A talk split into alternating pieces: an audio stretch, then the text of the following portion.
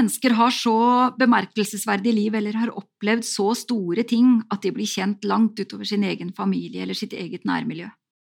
Og noen mennesker gjør så inntrykk at en biografi blir veldig leseverdig. Men det er når Gud får gjøre store ting i menneskers liv at det blir ekstra fascinerende. Og du vet, vi, vi sier noen ganger at det, eh, noe er for utrolig til å være sant, og hvis det er det, så er det som regel ikke sant. Vi må ikke tro på sånne veldig At vi blir lovt sånne voldsomme tilbud, eller eh, det kan være ting som, som liksom høres litt for godt ut til å være sant, og da er det som regel det. Men sånn er det ikke med Gud. Marie Monsen er en av de trosheltene som har inspirert meg, og det er nok noen av historiene i hennes liv som vi tenker at eh, men, men, det er jo ikke sånn, dette, dette er for utrolig til å være sant. De første åra, pioneråra i hennes liv som misjonær i Kina, leste hun mye i apostlenes gjerninger. Og det hun leste der, stemte dårlig med sånn de drev misjonsarbeidet, som hun nå fikk mer og mer kjennskap til der i Kina.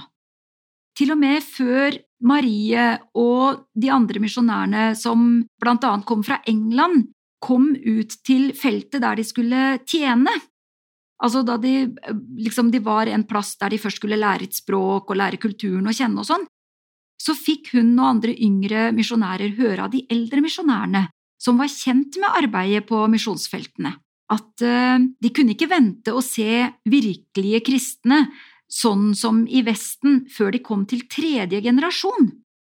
Marie som var ung og nykommer og torde ikke å protestere på dette, men inni henne protesterte det. Det var da ikke sånn hun leste i Bibelen.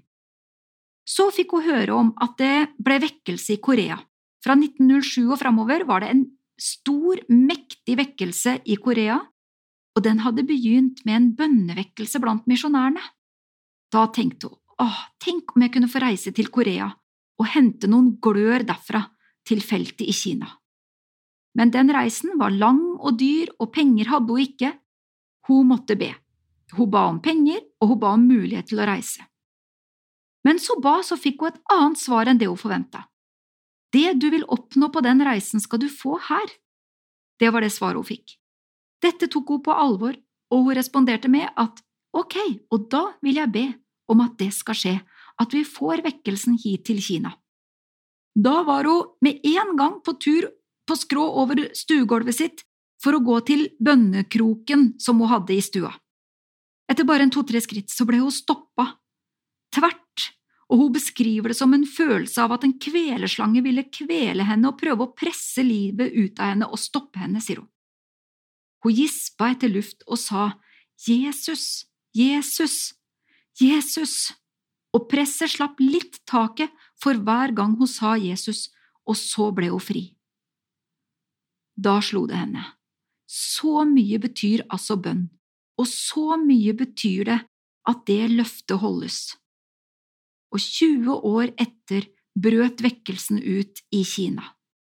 Det var da noen ting som hun begynte, som hun, som hun kom på at dette skulle hun spørre pastoren om pastorene og prestene som hun, fikk, eh, som hun fikk treffe og jobbe blant der i Kina.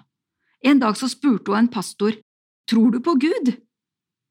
Og pastoren ble veldig overraska, så sier han ja, selvfølgelig. Ok, men er du gjenfødt, da? spurte hun. Og da måtte denne pastoren vedkjenne at det visste han ikke. Og så stilte hun et annet spørsmål. Vet du hva du er frelst fra? Nei, det var det også pastorer som ikke visste. Og, så, og da sa hun til de forskjellige pastorene som hun spurte om disse tingene. Så sier hun, spør han om han kan vise deg det, og så skal du komme tilbake og fortelle meg når du har fått svar på dette. Den ene pastoren etter den andre begynte å spørre Gud, når ble jeg gjenfødt? Eller hva er vitne om at jeg er gjenfødt, og hva er det du har frelst meg fra? Og så viste Gud dem det. Så fikk de se at eh, ja, de var frelst fra synd som de sleit med tidligere. De ble gjenfødt da de kjente at de kunne elske fiendene sine, videre om forskjellige ting som de kunne lese om i Bibelen at var fruktene av Den hellige ånd i livet deres. Og når de fikk se dette, så begynte de å fortelle om det, og når de begynte å fortelle om dette, så begynte mennesker også rundt dem å tro på Jesus. Vekkelsen starta ved at de som allerede var frelst, de som trodde på Gud, de som til og med var pastorer og tjenere i Hans rike, at de våkna og på en måte fikk se nye ting i liva sine. Vekkelsen starta blant de kristne. Sånn tror jeg det må være i vår tid også, at det er vi som er kristne som må kaste oss på kne og trygle Gud om at Gud, du må bruke meg, du må fylle meg, du må, du må bli stor iblant oss. Du, Gud, må kalle på menneskene rundt oss, du, Gud, må gjøre orda dine levende, sånn at mennesker får se hvem du er, sånn som de ble i Marie Monsens tid. Og det er bare Gud som kan skape nytt liv, det er bare Gud som kan gjøre at menneskene rundt oss ser, ser Gud gjennom meg. Det er bare Gud som kan bruke deg og meg til at Hans rike skal vokse. Og så er helliggjørelse på den måten at Gud får større og større plass i livet våre, og at vi blir mer og mer avhengig av Gud. Da blir kanskje sykdom og problemer litt nødvendig for at vi skal bli avhengig av Gud. Og gjennom det så blir Han stor, og gjennom det så kan Han bli levende og virksom rundt oss, og gjennom det så kan vi få se at Han virker der vi er og i sin menighet. La oss be om at Gud må bli stor iblant oss. La oss be om at Gud må bli synlig i livet våre, sånn at mennesker får se hvem Jesus er. Over en åpen bibel var i dag ved Tove Stange Karlsen. Serien produseres av Norea Mediemisjon. Og hver fredag har vi åpen forbundstelefon mellom klokka 9 og 11.30 om formiddagen.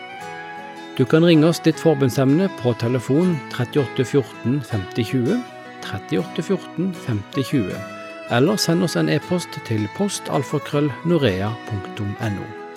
Alle henvendelser behandles selvfølgelig konfidensielt.